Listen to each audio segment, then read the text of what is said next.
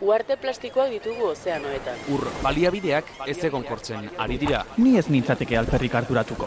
Fenomenoa islatuak dira. Bizioiturak eta herri egiturak aipatu izan dizkidate, zerikusirik balute bezala. Erleak kontserbatzeaz ere hitz egin didate. Baita arizpiak zaintziaz edo ezeguneak babestiaz ere. Eta ni, Nork babesten hauni. Mikroplastikoak elikadura katean sartu zaizkigu. Ez ez da perfektua. Bioanistasuna galtzeak atzera bueltarik gabeko ondorioak izan ditzake. Lasaitu zaitez, ez da inbesterako izango. energia erabilerari eta garraioari loturiko isuriak izugarriak dira.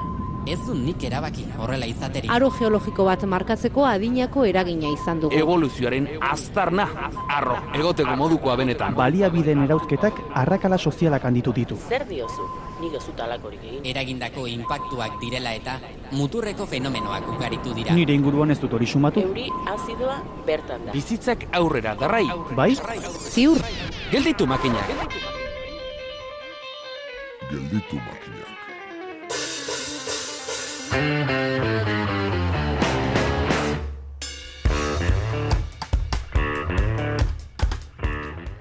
Garaitxu honetan dira lurra esnatzeko errituak, udaberri heltzerako bizi-bizi egon dadin energia mugitzeko eskatzen zaio lurrari, eta gure saiora ere hori iritsi, iritsi da, energia eta mugitzeko garaia.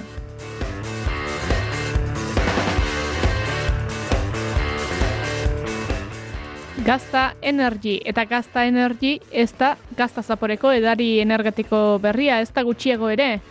Hori ere iritsiko ez denik ez dugu esango, baina oraingoz gaztategietan energiaren aprobetxamendua hobetzeko proiektua da Gazta Energy, eta lehen hiru proiektu pilotuetan emaitza politak eman dituztela ikusita, uste izatekoa da beste esparru batzuetara ere zabalduko dutela. Beraz, gazta, efizientzia energetikoa, energia berreztagarriak eta automatizazioa izango dugu gurean.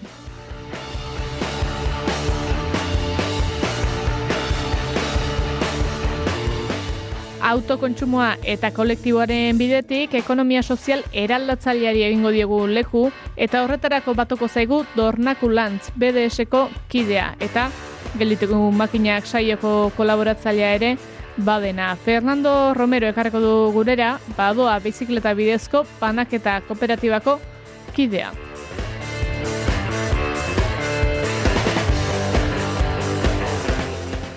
Bat eta beste beraz, estatiko baino eroale dator gelditu makinak saioaren laugarren denboraldiko emeretzigarren atala.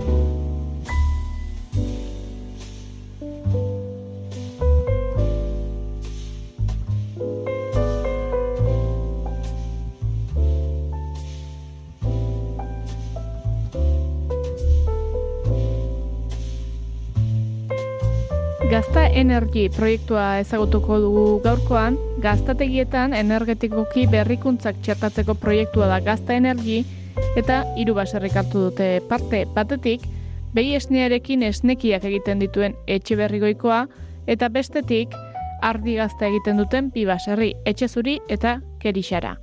Proiektuak herriaren herrien subiranotasun energetikoan aurrera egiten lagundu nahi du, landa ingurunean autokontsumo partekatuko instalazioen bidez, instalazioen eraginkortasuna maksimizatzen duten tresnekin, eta aldi berean klima aldaketa arintzen eta nekazaritza sektorea suspertzen lagundu nahi du teknologia eraginkorragoak eta berritzaileagoak erabiliz. Etxe berri goikoa baserriko aitor aramururekin eta kerixara gaztateiko Felix Ajuriarekin izan gara, proiektuaren eta egunerokoan eragindako aldaketen berri izateko. Kokatze aldera datu batzuk labur laburre banda etxe berri goikoan eguzki plaka fotovoltaikoen bidez, emezortzi kilobatioko potentzia instalatua dute, eta energia biltegiratzeko berrogeita lau kilobatio orduko gaitasuna duten bateria elektrikoak instalatu dituzte. Kontrolatzaile bat ere instalatu dute sortutako energia lehentasunen arabera bideratzeko. Kerixera gaztategien berri, zamalauko malau kilobatio dituzte eguzki plakatan instalatuta eta biltegiratzeko mila litroko urbiltegia ipini dute, bederatzi kilobatioko erresistentzia batekin. Kamara frigorifikoen kontsumoa neurtzeko sistema instalatu da eta aizagailuen abieraztea automatikoki, automatikoki egokitu dute. Etxe zuri gaztategien ere mila litroko urbiltegiratzea instalatu da bederatzi kilobatioko erresistentziarekin eta soberakinak izan ezkero bertako okindegiko ur termoa berotzeko baliatzen da. Hiru baserriek aurretik egina zuten energiaren gaineko gogoeta eta izatez, hirurek zuten eguzki plakan aldeko autua egina, berrikuntza proiektuetan esperientzia ere bazuten gainera, kerixara eta etxezuri gaztategiek egin zituztelako aurretik alako beste proiektu batzuk. Felix Jajuria, entzungo dugu. Bueno, ba, nik uste dut, e, e, proiektu honetan gauden hiru gaztategiok urteak e, daramatzagula e, energiaren autokonsumo gaiak lantzen. Ja, ba, dira urteak gure teiatuetan, gure pabioitako teiatuetan, e, plaka solarrak instalatuta dauzkagula, e, autokontsumo proiektuak dauzkagu bakoitzak modalidade desberdinetan, eta ba, bueno, hori izan zen lehenkoko aurrera pausu bat e, gai honen inguruan, baina e, pentsatzen genuen zerbait gehiago egin behar genuela. Aitor, aramuru izketan orain. Proiektua gu geuk aurkeztu genuen. Horre berrikuntzari buruzko jardunaldi batzutan, e, kerixerako Felixekin topo egin nuen, eta Felixek eta Jonetik aurretik egin zuten berrikuntza proiekturen bat elkarrekin, eta elkarrekin izketan hasi ginenean, ba, konturatu ginen bio bagen euskala guzki plakak e, jarrita, baino gure ustez bagoz, bazegoela hobetzea generatzen ari zen momentua eta konsumo momentuak ba, elkarrekin ahalik eta bateratuen juteko. Ajuria kontziente da gaztategi txikiak izanik ere energia kontsumo handia dutela eta era berean baita ekoizteko aukera ere. Gure kasuan, e, ba, bueno, ba, eman dugun aurrera pausu handiak eragingo du gure gaztategia erabat deskarbonizatzea. Hau da, orain arte gasoilea erabiltzen zuen kaldera batekin egiten genuen gaztaren prozesu guztia, eta orain, jarri dugu mila litroko termoelektriko bat, hori izango da nolabait gure bateria, Hmm. eta energia sobera daukagun momentuetan eta modu e, digitalean, automatikoan, erresistentzia bat martzan jarriko da eta urberoa akumulatuko digu urrengo gunean gazta prozesua egiteko. E, dut hau dela gazta energi proiektu honek ematen duen desberdintasuna. Bueno, gure kasuan, e, justo egun hauetan jaiotzen ari dira arkumeak, e, gazta egiten otzailaren amaieran hasiko gara, eta dena daukagu pres momentu horretarako. Otzailean gazta egiten azten garenenako, ja froga batzuk egin da dauzkagu noski, ba, baia e, argindarrarekin, berotutako urarekin egiteko prozesu guztia. E, momentuz, e, planteatzen dugu urtebete egitea frogatan, eta gasoilarekin e, dabilen kaldera momentuz ez dugu kenduko baina egin ditugun frogen arabera, ba ez dugu erabiliko. Horrutziko dugu emergentzietarako e, beharrezkoa bada, baina seguru gaude e, gai honek funtzionatuko duela, eta gure gaztategia, gure gazta egiteko prozesua, erabat deskorrenizatua izango e, egongo dela, teknologia hauei esker, e, dirutan ere aurrezpen handia izango dugula, e, ba, bueno, ba, soberak inoie momentuan, momentukoa aprobetsatzen dugulako e, urberoa akumulatzeko, Eta hori da bai, e, gure instalazioak erabat elektriko bihurtuko dira, geu sortzen dugun argintarrarekin, saretik deskonektatu gabe, baina geu sortzen dugun argintarrarekin, eta ba, gasoila alde batera utziko hmm. dugula. E, garbi dago gaztategi txikiek, gure kasuan, mehidia zabal gazta egiten dugun gaztategi txikiok, gure hartaldearen esnearekin egiten dugunok e, gazta, e, txikitasun honetan energia konsumo handia daukagula, baina hala ere gure telatuetan badago aukera handia energia e, ekoizteko. Aranburuk berriz, behi esnearekin lan egiten dutela eta kontsumo handiko makinak dituztela aipatu du. Pasteurizatzailea besteak beste.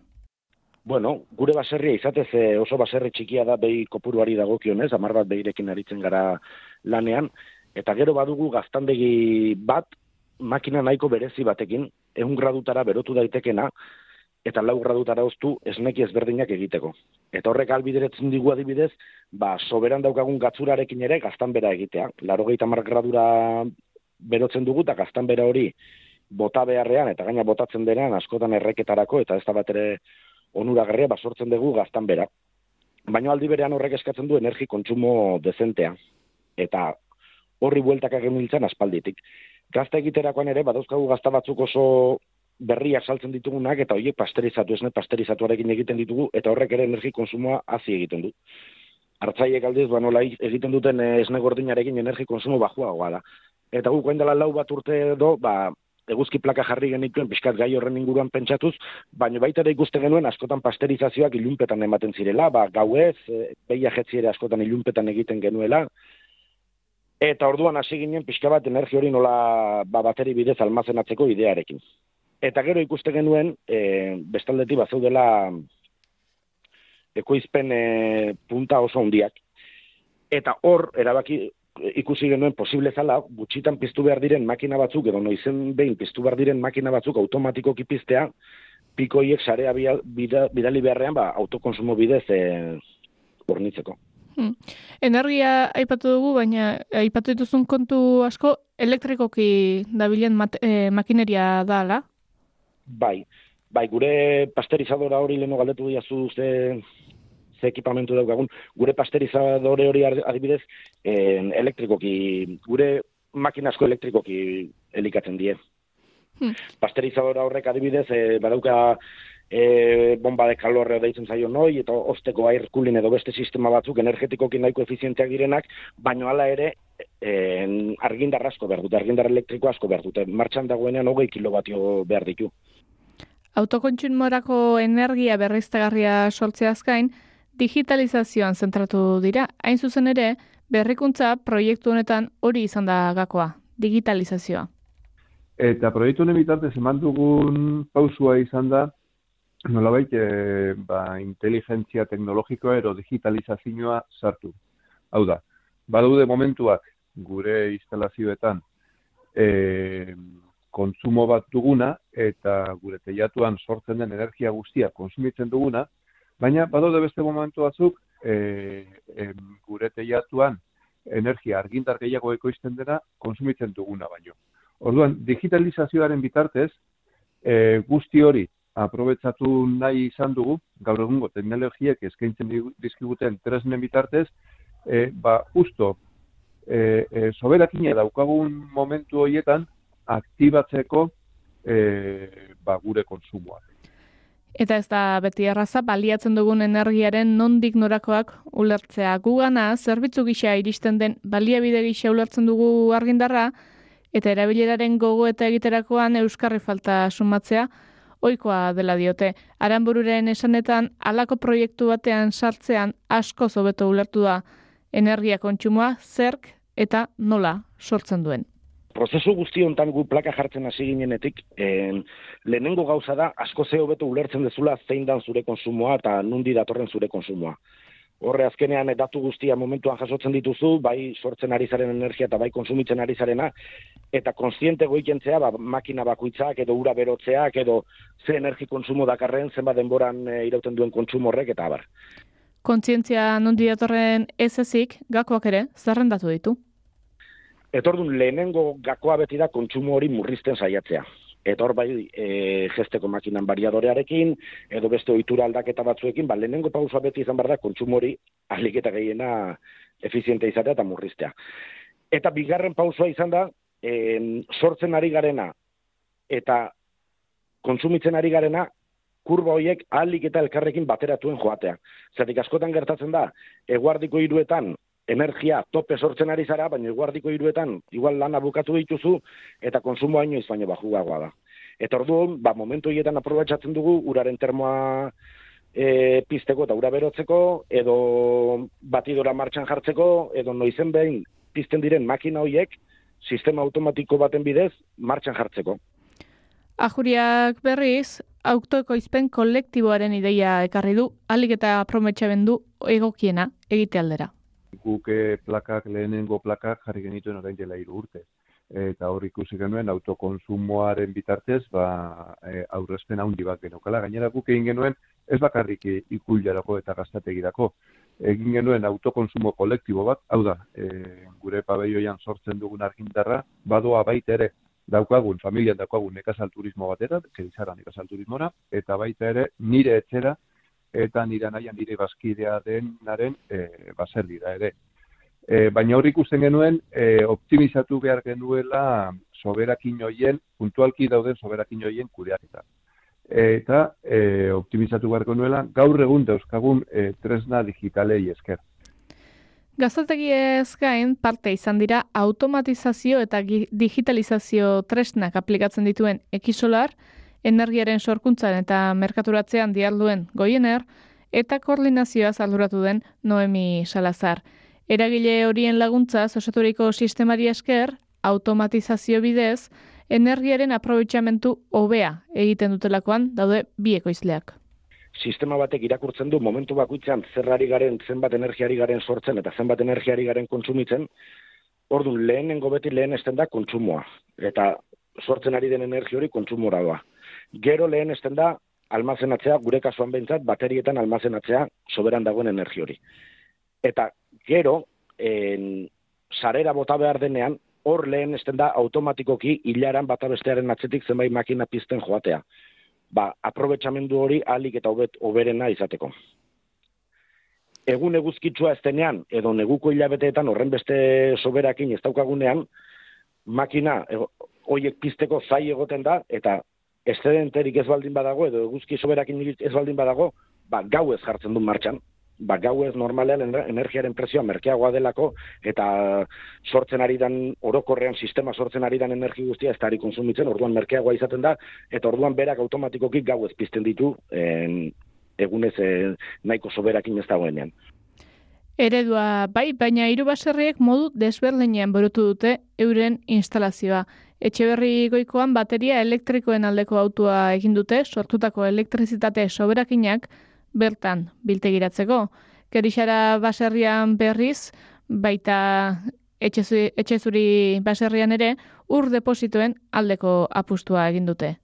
Guk egin genuen austarketan gazte energi proiektuen bitarte izan zen. Bueno, guk e, zer da gehien behar duguna gazta egiteko prozesuan.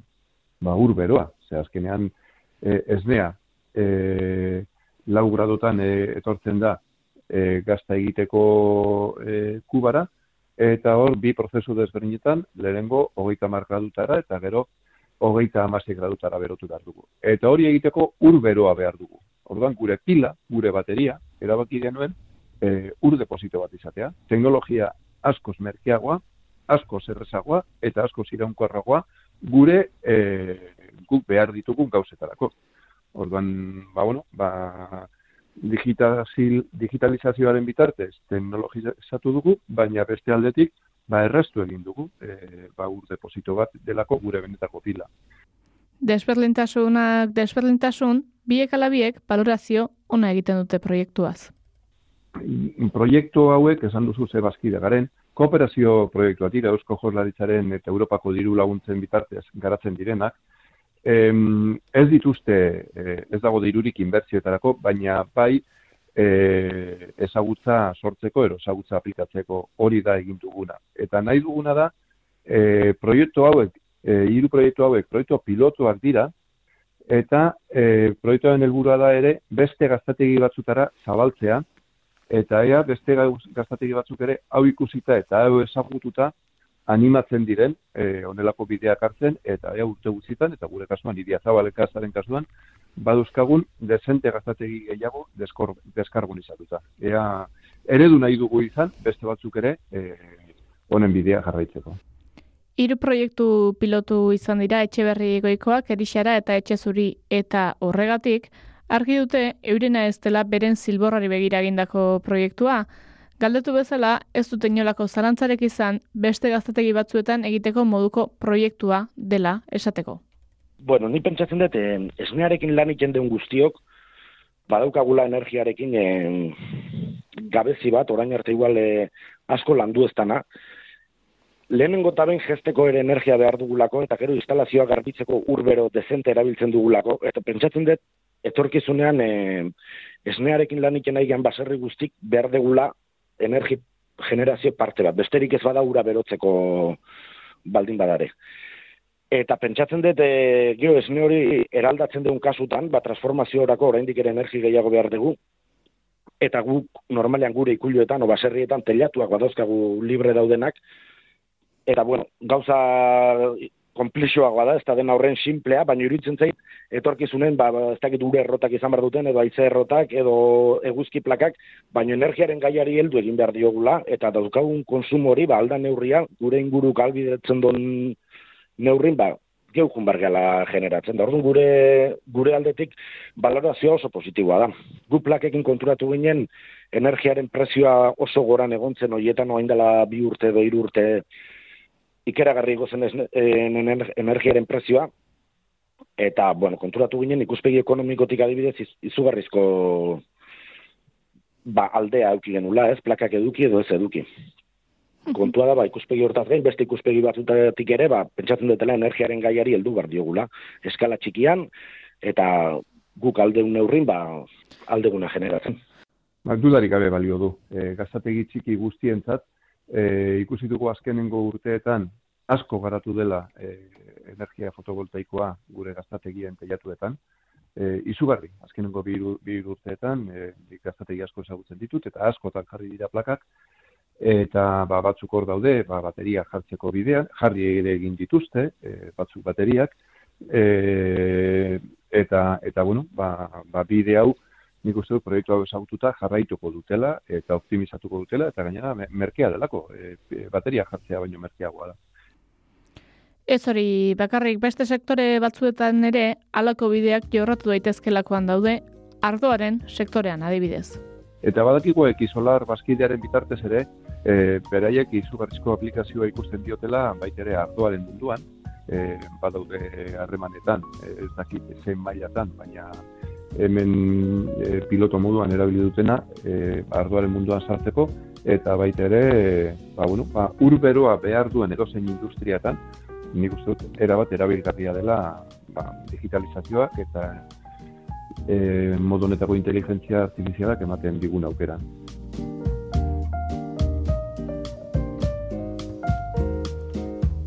Behin Aitorraren buru eta Felixa Juria entzunda, datuetara salto egin ezkero ulertzekoa da hiru ekoizleen asebetetasuna.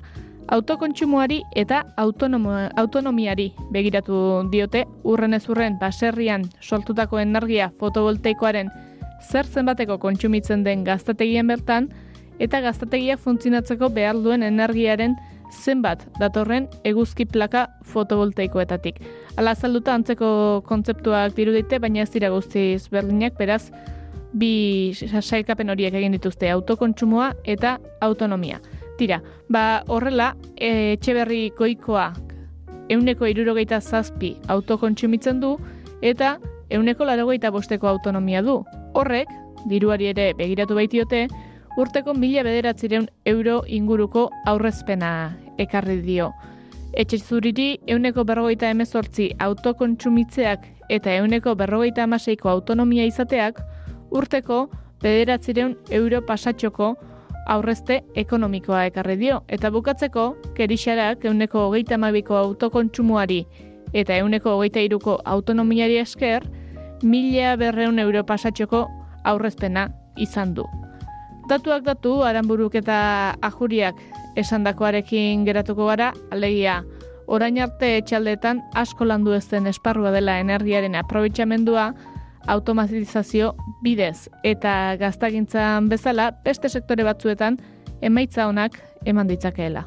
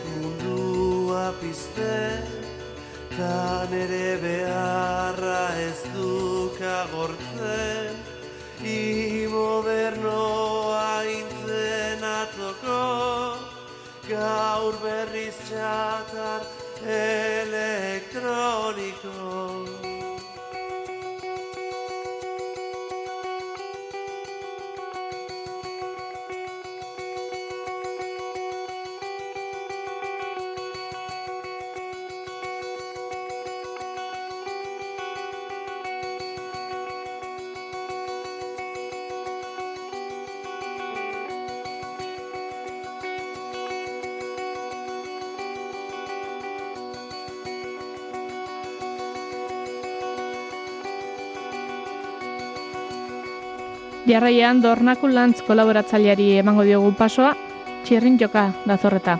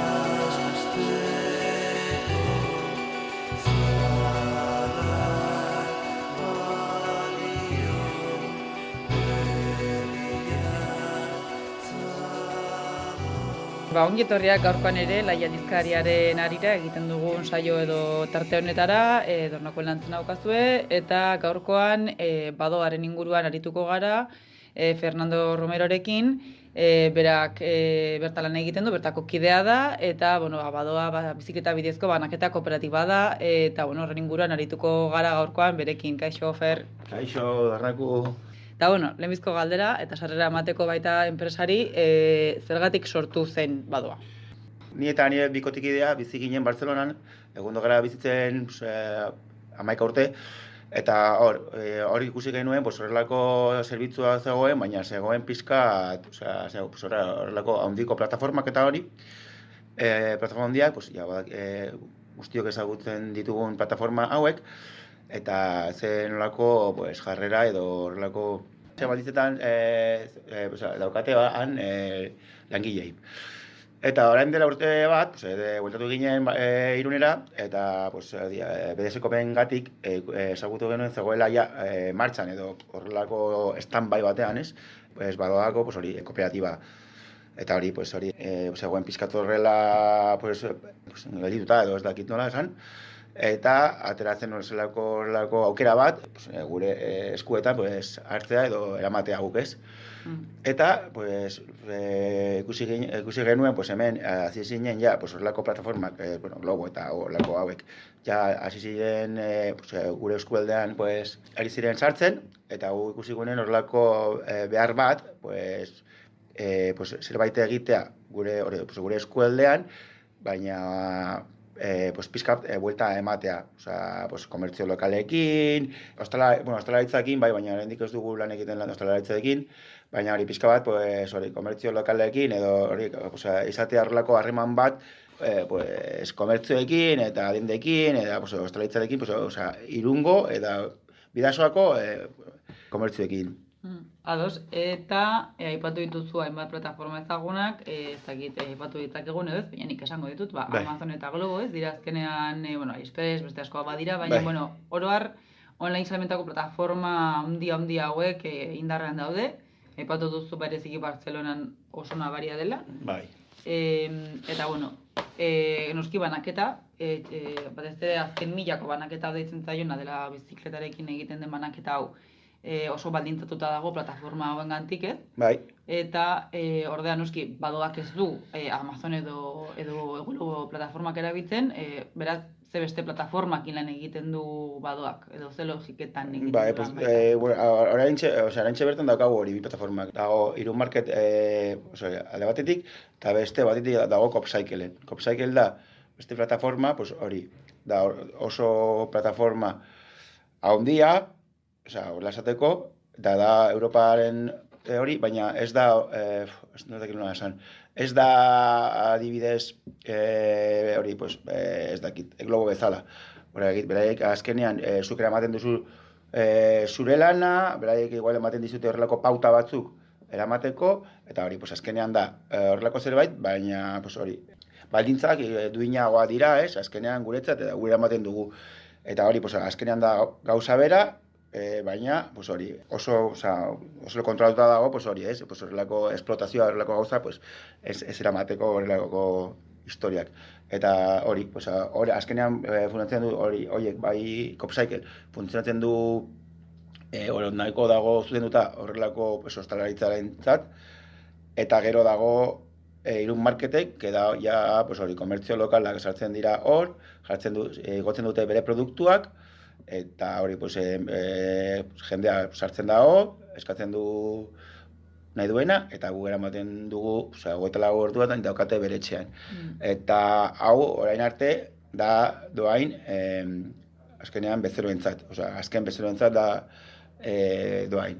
Eta hori, pues, horrelako pues, komertzioa, osea, adibidez, e, irungo komertzioak edo pues, ondarribiko edo pues, gure eskueldako komertzioak ez daukate horrelako indarra, plataforma bat, e, pues, impulsatzeko edo horrelako zerbait, eta udaletxea pues, errazten dio horrelako platforma bat e, jartzea, eta hori, pues, azkenean, e, pues, e, pizkat, e, pues, nola, e, pues, pues, pizkat zabaltzea, ez, bere, bere produktuak eta bere, pues, hori, bere zerbitzuak. Bai, horre, beraz, di plataforma hauek, bai, Copcycle dela bulertzen dut e, biziketa bidezko banaketa kooperatiben saretze batetik sortzen den tresna bat partekatua, beraz da zerbait pixkat komunitario kooperatibotik sortzen dena. Hori da. Eta irun market bera da, e, udalak sustatutako zerbait, beraz erakunde publikoek bertako komertzioa, irungo komertzioak asmonetan sustatzeko sortu den plataforma da. Beraz, e, erakusleio, online erakusleio hauek dira superklabeak eta importanteak ere bai ez, eta nola, bueno, ba, so, e, zure lanerako ezinbesteko tresna diren, eta esango genuke hori dela bizkat badoaren erronketako bat, ez? Nola ze plataforma edo ze online egin lan egin, Binen badira beste erronka asko, ez da? Osa, hemen eh, hasten garenean banaketa justoago bat bilatzen dugun momentuan, ze, ze erronka aurkitzen dituzute badoan. Bueno, azkenean, pues, jendea, e, hori, pues, e, e, o sea, e, da, o sea, o plataforma hauetan, pues, egiten dugu lana, eta pues, jendea ikusten duena da, pues, que dena izan behar dela, adibidez, eh? dena da garestia, ez?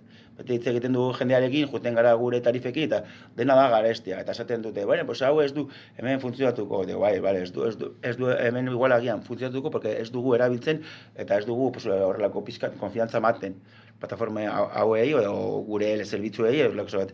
Baina jendea beti, bueno, ne, ja, zurekin ja, dugu hortaz, eske jendea ez du ikusten, que gure zerbitzua da X euro, da garestia. Baina gero, juten zara, ez dakinora e, erostera e, interneten bidez, eta ez dituzu ez da begiratzen, zen dira, pues hori, e, gastos den bio, eta hori ez dute ez da begiratzen. Mm. Eta, esaten, oza, eta hori da, oza, igual, e, pues, jendeari konzientziatu pizkatxo bat, pues hori, pues, que azkenean ez gara hain garestia, porque gure balditzat duina dira, azkenean e, da, gara kooperatiba oso txiki bat, mm. eta, hori, eta gure, gure zerbitzua da, pertsonalagoa, konfiantzako e, zerbitzu bat uste dut, eta hori ez, gure, pues, hori, e, igual, gure, como es, nuestra diferencia horrelako bat, da hori ez, pues horrelako, oza, gertutasuna edukitzea jendearekin, eta horrelako, pues hori. Eta hori, pues, adibidez, e, bestaldetik ere bai, Copcycle e, guri, oza, guretzat erabiltzea, da, oza, oso erreza eta oso merkea, azkenean ezin dugu horrelako e, sare bat egin edo plataforma bat egin, horrelako plataforma bat e, sortu, porque azkenean, oie, e, oza, azkenean dira pues, diru kontua pues oso gore izango zen guretzat, pues, horrelako historia bat e, pues, sortu ez. Bai, horre pixkat, eh, analogoa edo otutzen zaidana da e, ba, zaintzak, ez? Azkenean batean ere eh, oso gaizki ordainduta dagoen gauza bat, desprestigiatua dagoen gauza bat da, eta ondorioz ere horregatik oso invisibilizatua, da existitzen ez den lan bat, Eta bai, banaketa lanak ere badira pixkat existitzen ez diren lan bat ere bai, ez? Naiz diren ezinbestekoak eta ere gehiago mundu globalizatu honetan non ekartzen ditugun mandarinak baita atxinatik ere, E, bine, bueno, zuen kaso bai azkeneko milaren kontua da, baina esaten duzuna ez, prezioen aitz egiterakoan e, globorekin e, lehiatu behar baldin bada, ja imposiblea da, ez da. Bai, bai, guretzat imposiblea, baina jendea, ez da, bueno, jendea, ez jendea ez dakiena da uste dut, azkenean globo edo beste horrelako plataformak, e, pues, komertzioa e, euneko ez daki bat, ja, zuzenean kentzen die, eta bestaldetik, pues, rider edo, pues, hori, eramaten duen pertsonari, e, euro eta piko bat ematen, ematen dio. Eta, karo, e, beraientzat oso erosoa da, baina zer, zer, zer gertatzen da, ez dakiguna da, zer dagoen e, azpitik, ez? Osea, pertsonen hori, egoerak edo horrelako historia. Bai, baiket eta legon dira, ez? Hori da, eta azkenean, pues, gu, zaratzen gaina da, pues, hori, e, pues, hori, azkenean, e, nola da, pues, e, gure baldintzak, edo, pues, langileen baldintza, pues, pizkat, e, respetatzea, eta azkenean, pues hori, pizka de, nola da hori, pues, nola, de moda conciliación familiar, eta loka gauzak, pues, es, pizka, pues, eh, a, pues, eh, aurrera eramatea horrelako, pues, O sea, pentsak era, ez dakit nola esan. Bai, da, lan bat oso disponibilidade un dia eskatzen duen lan bat gainera, ez? Bai, hori da, eta gu zehatzen geha, adibidez, eh, a este buruetan lan ez egitea, azkenean, porque dakagu familia, eta dakagu este historia, eh, eh, bakoitza dakagu bere bere historia, baina pues horrela pues eh dugun bezala pues azkenean agian pues horrela o sea eh agian eh pues pentsatu behar dugu lan egitea eh, e, asteburuetan. Pero hori, azkenean hori da, e, pues, da pizkat lana, pues, inorez nahi duen lan egitea, pues, claro, e, o sea, azkenean e, baldintza horiekin.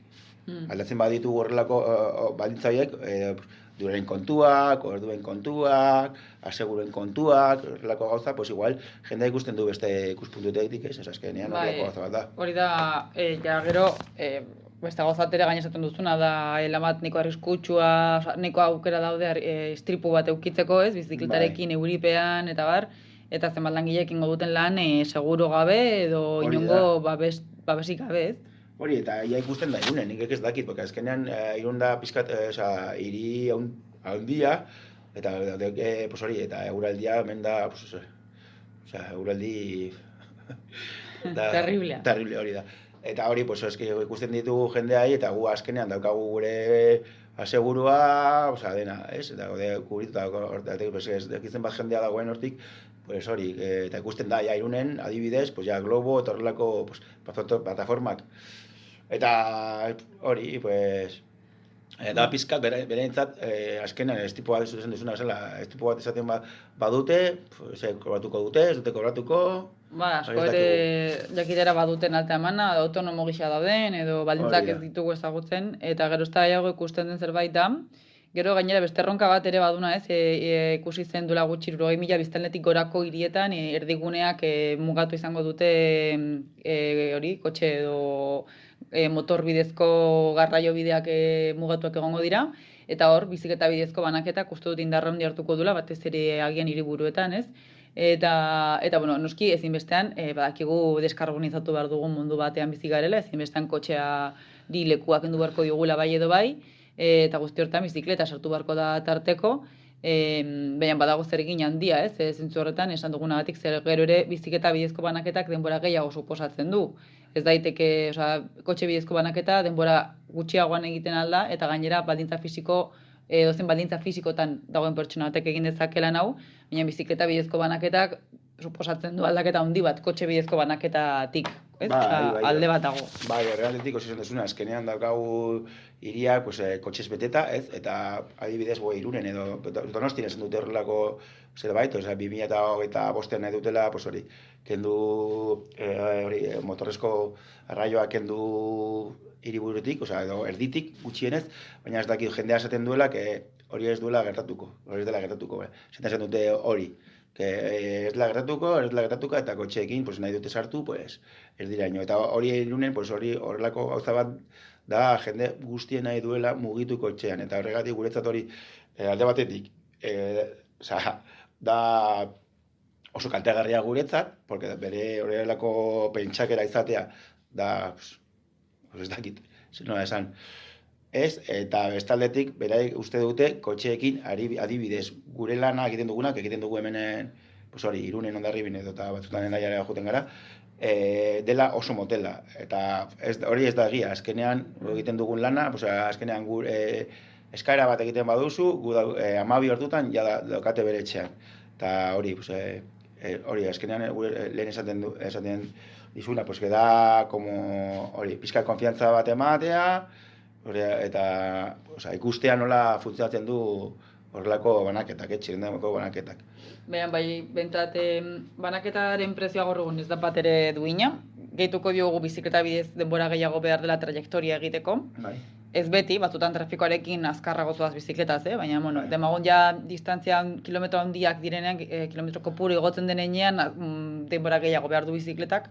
E, osea, gauza horiek guztiak batuta, azken batean hitz egiten ari gara, ba, gaur egun banaketa bat e, bezeroak jakin gabe askotan esan duzuna, ez? Bai. Ba, ordaintzen badu e, euro bat eta bost artean, agian gertatu zitekeen etxean e, ogi bat jasotzeko, prezio erreala izatea hamar euro e, banaketa, ez? Eta jendeak hori ordaintzeko prest egotea da ez da eztabaida bat, ze hori da gutxiengo prezioa, baina mm, e, ze gero ere zerbitzu hau bera bada pixkat pentsatzeko, be, eskagian e, pixkat burgesa den zerbitzu bat da, edo ja pixkat ekstremora iristen ari garela, ze segunta ze lan e, ja izan da esplotazioari esker eskaini den lan bat, eta zute esan nahi azkeneko mila guztia ez denik e, faktiblea, baina bai abusatu dela igual, batean Amazon eta esker, eta e, gero beste puntu bat duguna mai gainean da erakunde publikoek, e, erakunde garraio publikoa finantzatzen duten bezala, hau da autobus hartzea litzateke bestela errentagarri inorrentzat, e, eta da defizitarioa den zerbitzu bat erakunde publikoentzako, e, Elitzateke gauza bere egin beharko azken milako e, banaketa jasangarriarekin, ez? Azken batean zu mugitzen bazara autobusen zerbait hartzeko edo norbait etorriko bada zur ikartzera, azken batean garraioaren e, kontzeptu bera da, gauza da objetua mugitu beharren gorputzak mugitzen ditugula, baina e, hor berriro, ba, erakunde publikoek eskuartzea badutela ere guzti honen erregulazioa eta prezio hobetzen, ez? Bai, hori, hori argi dago, eh? azkenean, no esan duzuna, erakunde publikoak horrelako pues, zerbitzuak, eh? nik ez dut nahi, eh, nola da, pues, eh, Osea, ez dakitzen badiru jasotzea e, udaketxetik, baina azkenean horrelako, zuzaten duzun bezala, azkenean Eh, erakunde publikoa eh pues bultzatu behar dut erlako zerbitzuak, eh pues garraio publikoak eh, egiten duten bezala edo pues nola jartzen, o azkenean eh, errepideak ondo jartzen duten bezala, o azkenean hori da defizitario berentzat, beraik badakite da zerbitzua bat ematea, pues eh, kasu honetan adibidez irungo eh pues jenderetan pertsona entzat, eta batez ere irunen ba, batez ere auzoetan ikusten den pues pizka pizkat eh, ari da sartzen, ez? Eh e, pues horrelako bizi diren e, pertsonak eta gure, gure oza, gu ari gara zerbitzu horrelako zerbitzu sozial bat ematen ere bai porque ja jende guztia ez da, ja ez da plataformen historia. Ezkenan gu egiten dugun gure lan e, bestaldetik, oza, gure lan pertsonala ez dakit zen e, gu azkenean gure bezero ia euneko laro bostekoa dira pues, hori, jendea pues, jendea dagoela pues, hori, iru piko urte bai, e, gorakoak. Eta hori, pues, igual horrelako zerbitzu bat, eh, adibidez, eh, kasunetan udaletxea, pues, pizkat, pues, laguntzea edo bultzatzea edo pues, gutxienez, pues, eh, eskono da, eh, bizizlitar, ez? Osa, eh, pues, hori, hori da gauza bat, que, pues, hori, azke, azkena izango da, pues, igual, defizitario pizkat beraientzat, agian bai, baina egiten dut horrelako, ez? Osa, labore sozial bat edo ez dakit mm. nola zan. Ba, gero dagoela e, gauzen balio ez monetarioa, ez? E, benetan e, bizikletak suposatzen duena irian, ez? Badira hainbat erakundere elkartez, e, bizikletaren erabilera sustatzeko, eta bada soinu, soinu gutxitzea, espazio, oza, kotxeak suposatzen duen guztia gure irian. E, kenduko bagenu, ez? Hartzen duten espazio guztia, soinua, kutsadura, e, arriskua, ez? Eta guzti hori bizikletarekin ordezkatuko bagenu, benetan lortzen dugun balio soziala, litzateke kristorena, ez? Baina hori da jendeak ez duna proiektatzen, ez? Esaten duzunagatik orain jendeak kotxez joan nahi du baita kaka egitera ere. Bai, bai, hori adibidez, adibidez hori, eske, nizaten, ba, nizaten dudan bezala, bai, lagun nahi adibidez, eh? E, Bera, esaten dute, no, e, e, izan behar ditugu aparkaleku gehiago irunen. Digo, ez, digo, dago petao, aparkaleku petao dago irunen, eta esaten dute, eta esaten dute, agian, ez badugu hainbeste kotxea erabiltzen, ez dutugu izan behar hainbeste aparkalekuak, ez? Ah. Eta, hori da, buelta matea, ezkenean ez dute, no, nahi du, etxeetan, daude, daukate jendea, bi, hiru eta lau kotxetan, nahi dute aparkaleku kotxe guztien zat. Osa, nik, adibidez, e, e, e, nik ez dute, nik ez dute esaten kotxe batez izatea etxean, azkenean da, igual beharrezkoa ez, baina, igual esaten, badu, esaten baduzu kotxe bat, eta bi edo txirrinda, irian mugitzeko, pues, igual hobeago izango zen, eta kutsaduraren aldetik, azkenean, kirola egiten duzu, oza, oza soi betean zaude, humore hobeto da kasu, eta hori da, pues, guret, azkenean da dena, ba, oza, batutzea, ez dakit, esan, e, pues hori, e, erabiltzea txirrin da, kotxeak pizkat kendu e, erdialetik. Eta hori, pues, azkenean, horrelako gauzak, pues, eta hori, esaten duzuna bezala, da, de, e, elkarte batzuk irunen, e, bueno, balasta batez ere, horrelako, e, osea, labore oso garantzua egiten dutena, pues hori, konsistatzea jendeari, pues hori, kotxearen erabiltzaren, pues, mm. historien gatik eta hori. Ba, beste aportazio bat iten duena badoak, e, ditugu erpin asko beti bezala, eta badoak nik uste dut baduela bere indarra eta potentzial oraindik asko bada egiteko, eta, bueno, ba, bidean joango gara hitz egiten, eta onaino iritsi gara gorkoan, eskerrik asko fer, zure guzti hitz guztien gatik, eskerrik asko. Mi esker zuei. Eli pagolarekin geldituko dituzu makinak naiz irratian.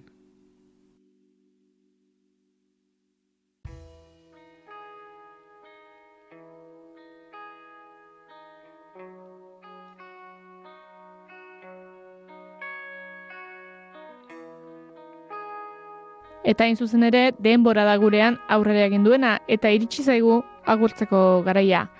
Besterik gabe beraz, eskerrik asko irratiz bestalde egoteagatik eta gaieko sozial gehiago datorren astean hementxe, gelditu makinak saioan. Ongi izan.